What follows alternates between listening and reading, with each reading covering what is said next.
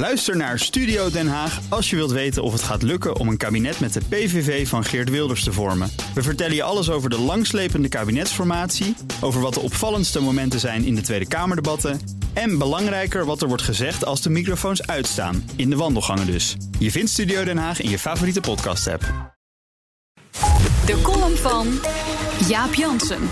Toen Mark Rutte vorige week verzuchtte dat het stikstofprobleem de grootste crisis in zijn negenjarig premierschap was, wisten binnenhofbewoners nog wel andere crisismomenten te noemen die groot, zo niet groter waren. Had Rutte ze wel allemaal op een rijtje? Het was een oprecht moment van eerlijkheid. De premier zei meer dan veel luisteraars door hadden. Het was zijn grootste crisis, want hij overwoog het bijltje erbij neer te gooien, ermee op te houden, te stoppen. Mark Rutte zag het helemaal niet meer zitten. Van zijn VVD was deze kabinetsperiode al heel veel gevraagd. Nu ook nog de maximumsnelheid omlaag naar 100 km per uur zonder er iets voor terug te krijgen, dat was, hoe symbolisch ook, de druppel. Eerder al had VVD-minister Cora van Nieuwenhuizen laten weten dat het haar te ver ging, die aanvallen op de auto, en straks misschien ook nog rekening rijden. Ze wilde er niet aan meewerken. Hoe anders was het beeld afgelopen zomer? Na een moeizame kabinetsformatie en een trage start ging het opeens veel beter met het derde kabinet Rutte.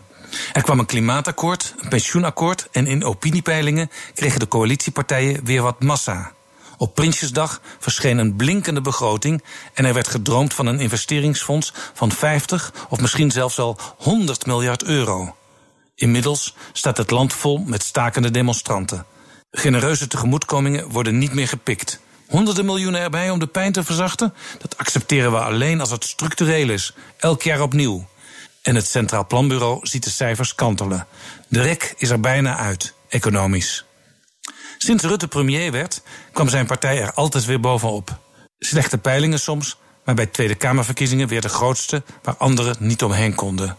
Gaat dit nog een derde keer lukken? vragen VVD'ers zich af. Ondertussen wordt in de coalitie gespeculeerd over het aftreden van CDA-minister Ank Bijleveld van Defensie.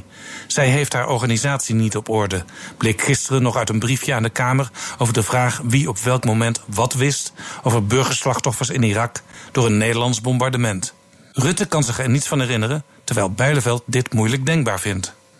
En D66-staatssecretaris Menno Snel, moet die niet weg? Bij de Belastingdienst is de puinhoop nog groter dan op Defensie. Als Ank weg moet, gaat Menno ook, klinkt het in de wandelgangen van de macht. De naam van een mogelijke opvolger zoomt al rond. De Amsterdamse oud-wethouder van Financiën Udo Kok, die aftrad om principiële redenen en minder aardig is voor zijn mensen dan de amabele Snel.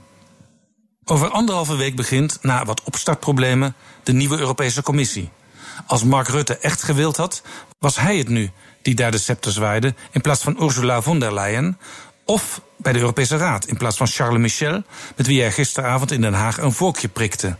Ik kan me voorstellen dat de minister-president deze dagen wel eens denkt: had ik het maar gedaan.